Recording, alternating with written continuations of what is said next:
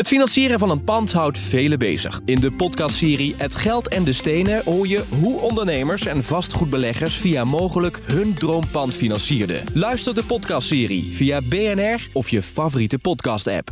Vastgoed gezocht wordt gesponsord door mogelijk vastgoedfinancieringen. BNR Nieuwsradio. Vastgoed gezocht. Maarten Bouwhuis en Maarten de Gruiter. Het moet een definitief einde maken aan de weerwar van wetten die allemaal iets zeggen over een stukje van onze leefomgeving. De vraag van deze week: welke impact heeft de nieuwe omgevingswet voor spelers in het vastgoed? Dit is Vastgoed Gezocht, jouw wekelijkse update over de wereld van de stenen. Je hoort ons elke maandagavond op BNR en natuurlijk altijd online via de app en bnr.nl. Maarten de Gruiter staat uiteraard naast mij, vastgoedondernemer. Fijne vakantie gehad? Heerlijke vakantie. Nou, ik was er wel een beetje naartoe naar dat, eh, naar dat drukke seizoen van ons. Ja. Waar eh, gaan we mee beginnen? Met welk nieuws? Nou, de Telegraaf, mijn, eh, toch een beetje mijn, mijn lijfblad natuurlijk.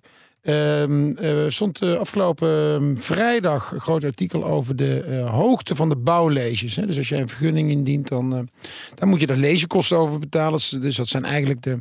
Dat zouden de kosten moeten zijn die het. ehm, de kosten, of de, de, de kosten vergoed. eh, wat het voor de gemeente kost om die leges te behandelen. Ja, heb je een heel nieuwbouwhuis, gaat het over eh 10, 12.000 euro. Heb je een dakkapelletje, dan is het eh, een paar honderd euro. Ja, precies. En, en, en de ene keer komt het wel uit, de andere keer niet. En het is natuurlijk wat een beetje het vreemde is dat die kosten enorm verschillen per gemeente. Nou kan je natuurlijk, dan kan natuurlijk logisch zijn dat een kleine gemeente, ja, die heeft wat minder. Hè, die moet dat. Eh, Die kan dat minder over, over een paar mensen moeten die dat, verspreiden. Dus dat is logisch dat je wat minder schaalvoordelen hebt.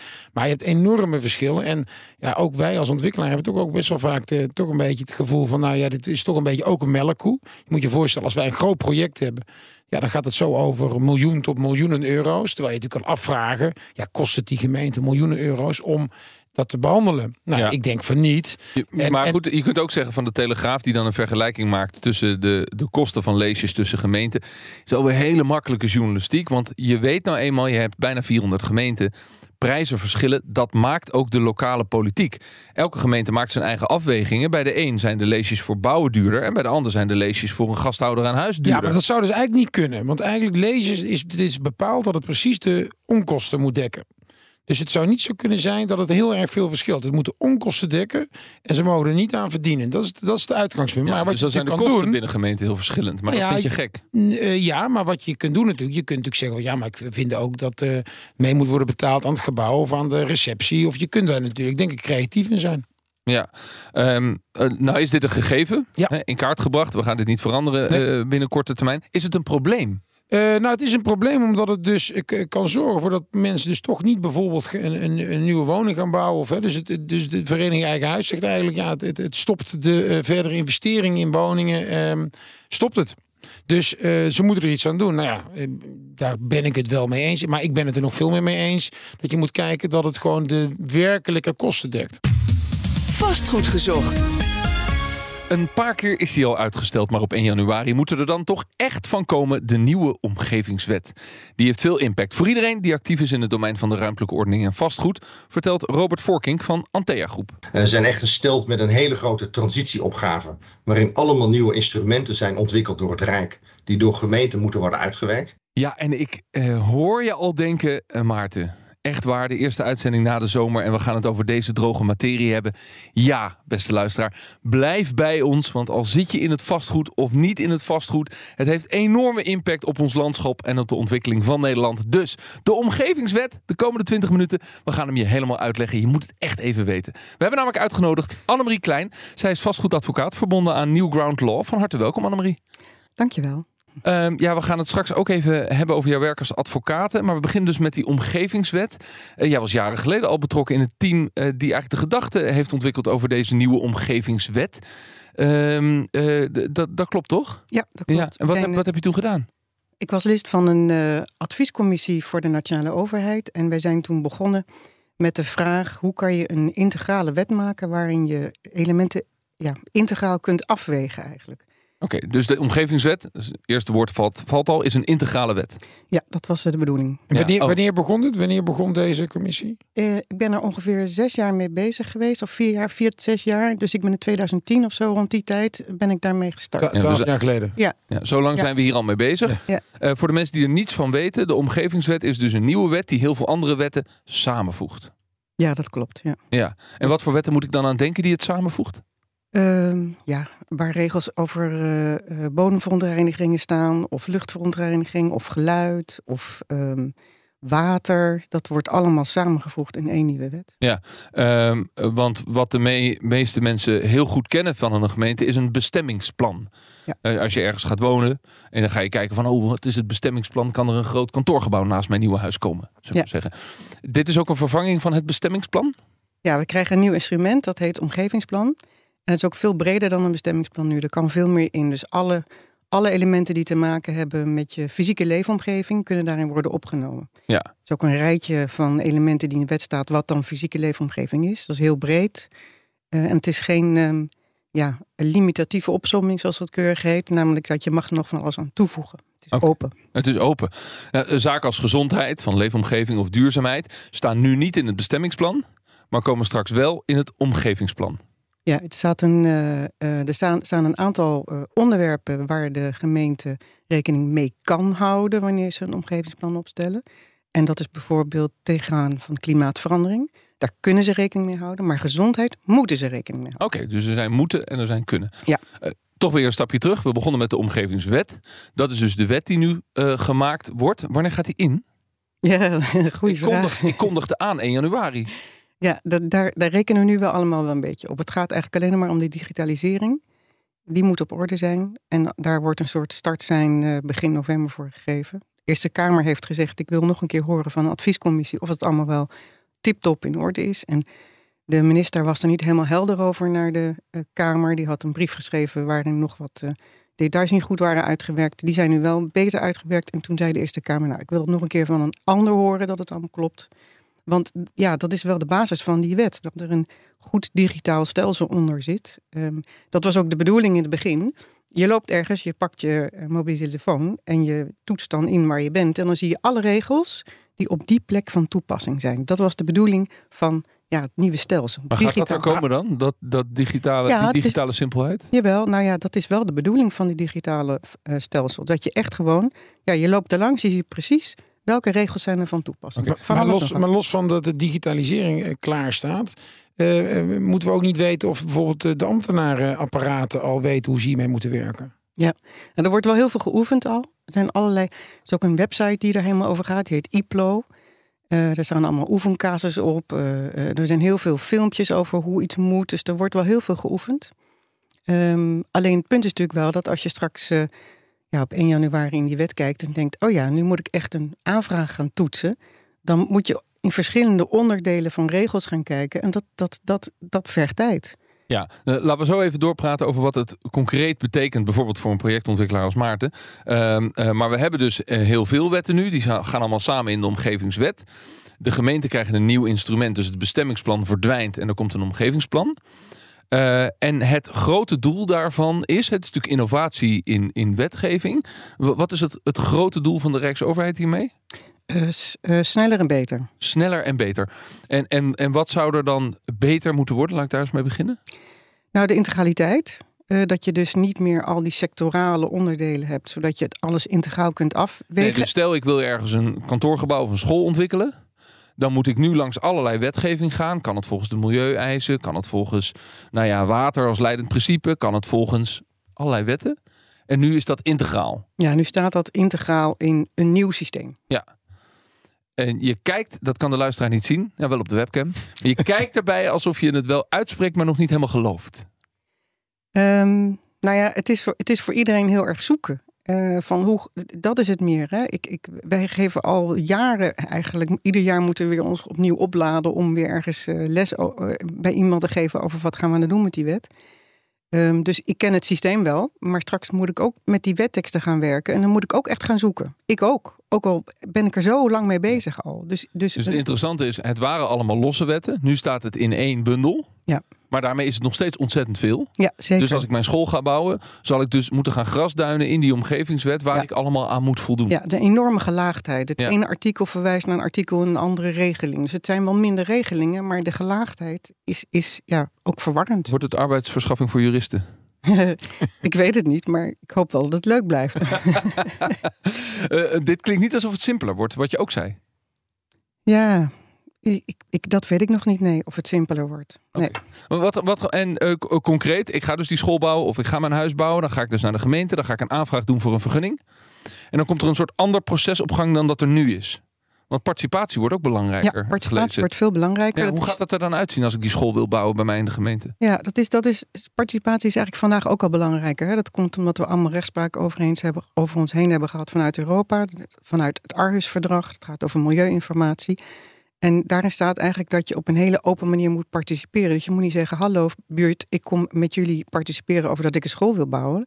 Je moet eigenlijk gaan participeren met de buurt over wat nou ja, de kernwaarden van de buurt zijn en wat er nodig is. En dan komt eruit rollen, daar moet een school komen. Ja, of er moet een voetbalclub komen en dan heb ik geen project. Zo is het, ja.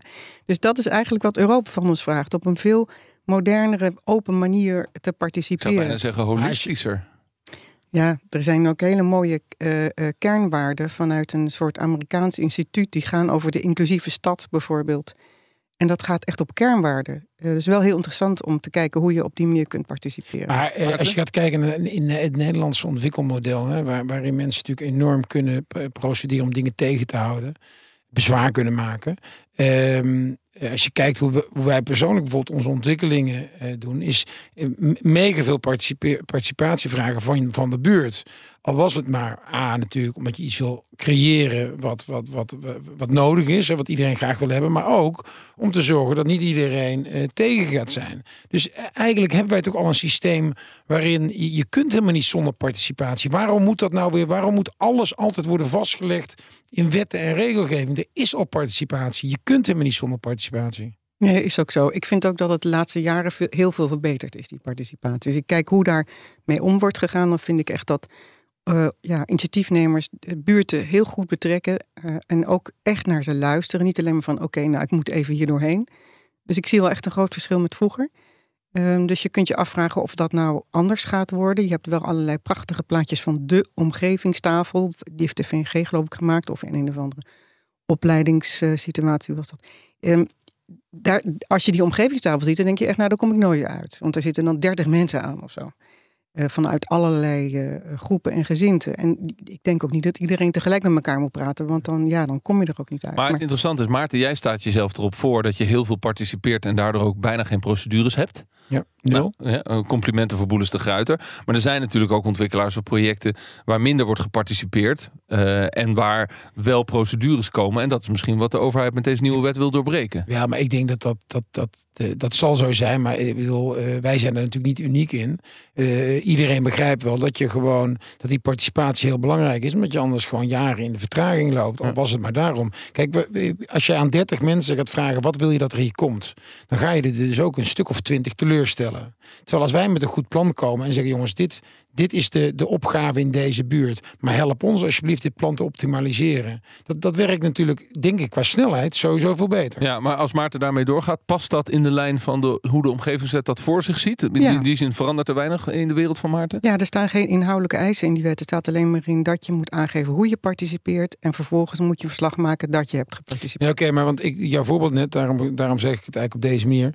Eh, ehm, of triggert mij dat? Jouw voorbeeld was, ja, je gaat eigenlijk nu, wat je dus in de toekomst gaat doen, is met elkaar zitten. Ja, wat vinden we dat er hier op die open plek moet komen? En dat Ja. vind jij het verkeerde vertrekpunt, want Ja, jij hebt een plan met die open Tuurlijk, plek. want eh, eh, nou ja, dat niet per se. Maar als jij aan 30 mensen vraagt, wat wil je dat er hier komt? Dan betekent dat je meer dan de helft moet gaan teleurstellen. Die zullen boos zijn. Ja. Terwijl je natuurlijk ook één stap terug. Wij komen met een plan, wat al eigenlijk al opgedragen is vanuit de overheid.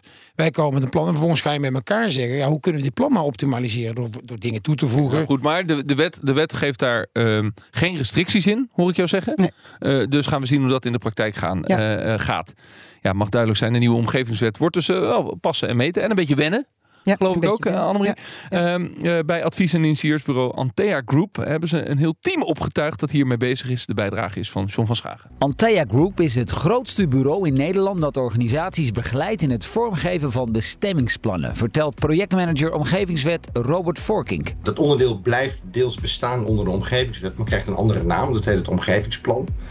Maar krijgt wel een hele andere uitwerking. Dat betekent dat de hele klantgroep overheid, dan hebben we dus over 340 gemeenten, gesteld worden met een opdracht om die transitie vorm te geven. Nou, dat roept allerlei vragen op.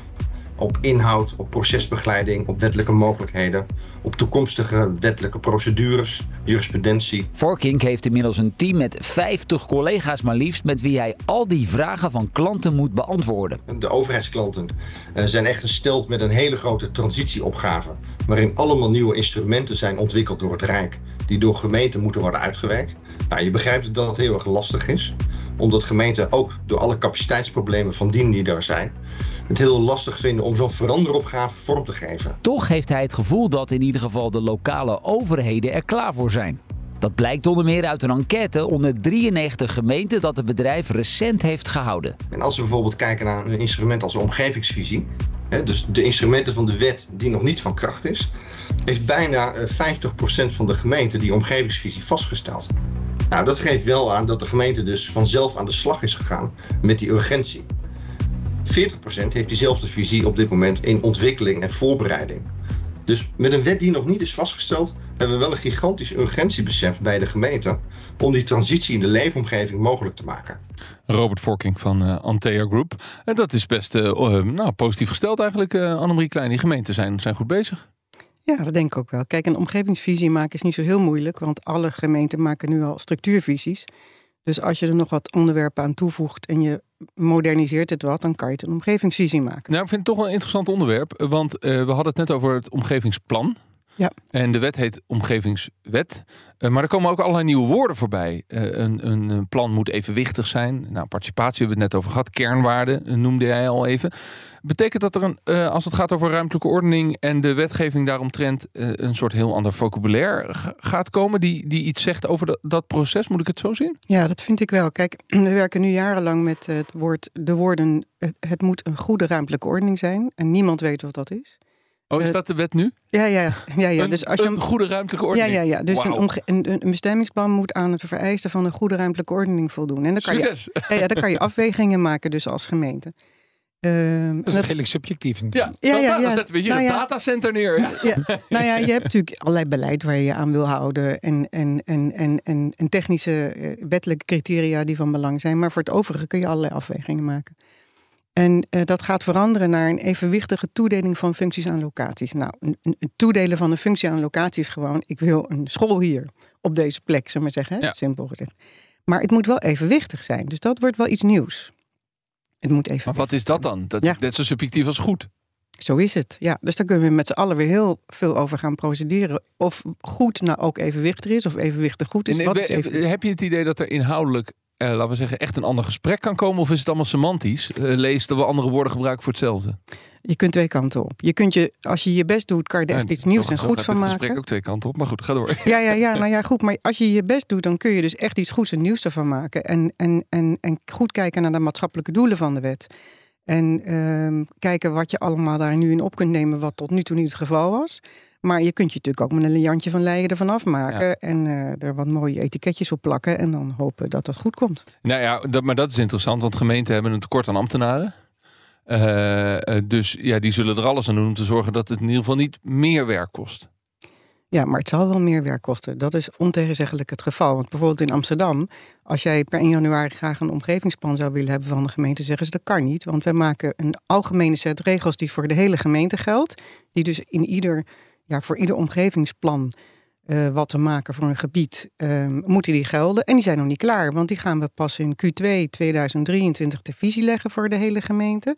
En dan gaan we ze pas eind 2023 vaststellen. Dus die algemene regels die van dat omgevingsplan van de gemeente Amsterdam deel uitmaken, die zijn pas klaar eind 2023. Dus voor eind 2023 krijg je geen omgevingsplan. Nou, nou is Amsterdam nu het voorbeeld. Het zal misschien in andere gemeenten gelden. Maar gaat dat vertraging eh, geven in vastgoedontwikkeling? Nou ja, ik heb een project bijvoorbeeld waarin wij graag uh, ter visie zouden willen in juli met een omgevingsplan. Nou, dat kan dus niet. Uh, omdat ze zeggen dat, dat die algemene regels pas eind volgend jaar klaar is. Ja. Kom je dat al tegen, Maarten? Ja, zeker. Dit soort vertraging als gevolg van, van ja. ja. de overgang naar de nieuwe wet? Absoluut. Nou ja, wat er bij ons gebeurt, is dat we gewoon proberen zoveel mogelijk dingen voor 1 januari in te hebben gediend. Uh, zodat je nog in het oude systeem valt. Het probleem is natuurlijk op het moment dat de ex-slimme mensen bij mij op kantoor het niet helemaal begrijpen, dan maak ik me wel een beetje zorgen. en, um, en dat is wat hier gebeurt. Maar, maar de, de, de, de, de belangrijkste vraag natuurlijk, kijken, Annemarie, is natuurlijk: dit is ooit bedacht om het simpeler te maken. En denk je nou dat uiteindelijk, hè, want alles heeft tijd nodig om, om, om, om in te bedden en, en, en de mensen moeten het snappen. Maar wordt het nou uiteindelijk over drie jaar, is het dan simpeler of is het eigenlijk complexer geworden? Ik denk dat het in ieder geval moderner is geworden. Ja, dat, dat, is geen antwoord. Nou ja, uh, ik, als je eraan gewend bent, dan kan je er prima mee werken. Dat is het antwoord. Dus we moeten even wennen met z'n allen. Ik bedoel, we, hadden in, in, in, we gingen van de oude WRO naar de nieuwe WRO in 2008. We kregen de WABO erbij in 2010. Moesten we ook allemaal aan wennen. Nu krijgen we dit. Ja, over twee jaar zijn we hier aan We kunnen eigenlijk best ja, wennen. Ik wil is nog... het beter? Ja, maar wordt het, wordt, het com, wordt het minder complex of wordt het even complex? Wordt het complexer? Ik denk dat het even complex blijft. Uh, want, want het bestuursrecht en het omgevingsrecht verandert elke dag namelijk. Ja, dan wordt het, in ieder geval niet simpel. Dan wordt het in ieder geval niet simpel. Maar als het even complex blijft, dan hebben we dadelijk, dus zijn we dus dadelijk de 12 jaar of uh, 13, 14 jaar bezig geweest. Ik weet niet hoeveel geld zal erin zijn uh, besteed. Heb ik niet uh, gecheckt. Ja, dat moet honderden miljoenen zijn, denk ik dan maar even. Dat, dan, dan, dan, dat is natuurlijk eigenlijk wel weggegooid geld en tijd, of niet? Nou, dat denk ik niet, omdat in de loop naar uh, deze nieuwe wetgeving zijn ook echt heel veel nieuwe dingen ontwikkeld. Nieuwe gedachten, nieuwe middelen, nieuwe instrumenten. Um, en en, en het, het, die wet moet ruimte geven voor maatwerk. De, de wet geeft ruimte voor open normen in omgevingsplannen. Iedereen heeft jarenlang geroepen: het is allemaal te streng en te strak. Het moet meer ruimte voor flexibiliteit zijn. En dat gaat wel gebeuren. Okay, dat gaat gebeuren. Uh, helemaal tot slot uh, wil ik nog even kijken naar je werk als vastgoedadvocaat. Want uh, daar werk je voor verschillende projecten, waaronder de gebiedsontwikkeling van Stadion Feyenoord. Ja. Dat lijkt me best wel spannend, want ja. ja. daar gebeuren steeds hele spannende dingen. Voorlopig is alles weer geschrapt, geloof ik, door de gemeente. Uh, nee, zeker niet. Voorlopig gaat alles door. Gaat alles door? Ook, zeker. ook het nieuwe stadion? Jazeker. We oh. hebben daar zelfs uh, donderdag een zitting over bij de Raad van State. Een zitting bij de Raad van State. Um, uh, hoe loopt dat eigenlijk als je, als je daar gaat procederen? het gaat nou ja, over vastgoed? De, wij, wij, verdedigen het plan. Dus ja. wij, wij komen als we gevraagd worden om een toelichting te geven. Um, en um, ja, ja, hoe loopt dat? Het, duurt lang in ieder geval. Ja. Uh, want uh, vorig jaar november zou er een zitting zijn. Die is uitgesteld door de Raad van State. Naar aanleiding van allerlei publiciteit. Hadden wij niet om gevraagd. Um, en nu hebben we een soort deelzitting. En dan zou er nog een inhoudelijke zitting achteraan kunnen komen. Maar wanneer die komt, weet ik niet. Dus inmiddels procederen we daar dan anderhalf jaar over. Maar heeft dat heel plat te maken ook gewoon met de capaciteit van de Raad van State te maken? Ja, als je vandaag belt, heel veel zaken lopen te lang door. Ik heb een ander plan waarin vorig jaar een uitspraak had moeten zijn gedaan in augustus. Daar hebben we nog steeds geen uitspraak in. Als je belt en je vraagt wanneer kan de zitting er zijn, wanneer krijg ik een uitspraak, dan is het antwoord we hebben 50 vacatures. Dat is ongeveer het standaard antwoord wat je nu krijgt. Dus er is een enorme vertraging in de doorloop van die procedure. Ja, en, en als een procedure dus tot de Raad van State uh, uh, komt, dan lopen we daar ook weer tegen gebrek aan mensen aan. Ja. En dus weer vertraging in vastgoedontwikkeling. Ja, absoluut. En dus heel fijn voor de mensen die projecten proberen te vertragen. Ja, dat is een hele makkelijke methode. Ja. Omdat je weet dat het gewoon praktisch gezien heel lang gaat duren bij de Raad van State. Ja, ja. Ja, er wordt ook wel gepleit voor allerlei middelen om nou ja, de, de, de projecten die of de, de beroepsgronden of de, de, appellanten die, die eigenlijk toch niet succesvol kunnen zijn, om daar een soort van tussenstatus of een tussenstand aan te geven dat ze ja, uh, gevraagd worden of, gezegd wordt: wij denken niet dat uw beroep succesvol kan zijn, dus kunt u niet gewoon nog eens een overleg met die initiatiefnemer, want het gaat niks worden. Um, zodat je ja, die onsuccesvolle procedures eigenlijk eerder een halt toeroept. Uh, Annemarie Klein, vastgoedadvocaat, uh, dankjewel voor jouw tekst en uitleg. Ik denk dat we elkaar nog wel een keer spreken. Als ik zo die omgeving 1 januari, dan nodig je weer uh, uit voor de nieuwjaarsuitzending. Uh, Maarten, dankjewel voor, voor deze uitzending. volgende week zijn we er uiteraard weer. Voor nu, bedankt voor het luisteren. Dag. Vastgoed gezocht wordt gesponsord door mogelijk vastgoedfinancieringen.